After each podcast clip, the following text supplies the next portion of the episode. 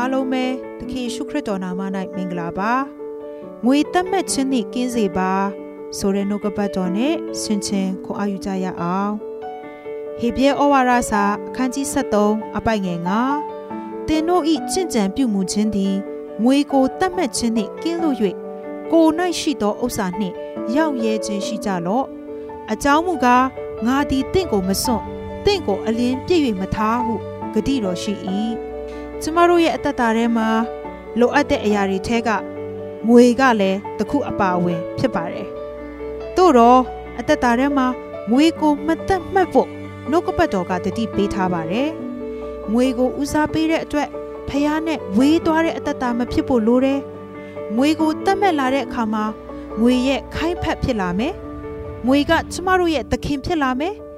အဲ့ဒီလိုမျိုးအဖြစ်ကိုဖះသခင်အလိုမရှိပါဘူး ဖះသခင်ကကျမတို့ရဲ့အသက်တာထဲမှာ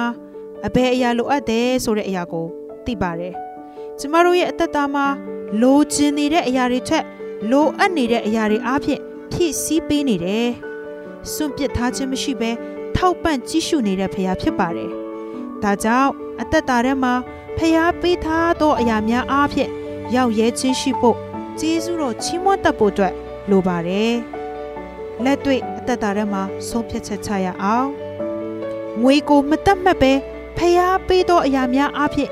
ရောက်ရဲသောစိတ်နဲ့ကျေးဇူးတော်ချီးမွမ်းပြီးအသက်ရှင်ကြရအောင်။ဆုတောင်းကြပါစို့။အဖဖျားအသင်းတော်ထဲမှာပါဝင်နေတဲ့ယုံကြည်သူများအတွက်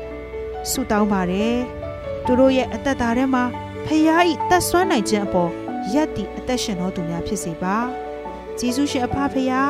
ကျမတို့ရဲ့အသက်တာထဲမှာငွေကိုလိုအပ်ပါတယ်။သို့တော့ငွေကိုမတတ်မှတ်ဖို့ရန်မဆပါ။ငွေသည်ကျမတို့ဤသခင်မဖြစ်ပါစေနှင့်။ကိုရော့ကိုပဲအမြဲအားကိုးတော်သူဖြစ်စေပါ။သခင်ယေရှုနာမ၌ဆုတောင်းပါ၏။အာမင်။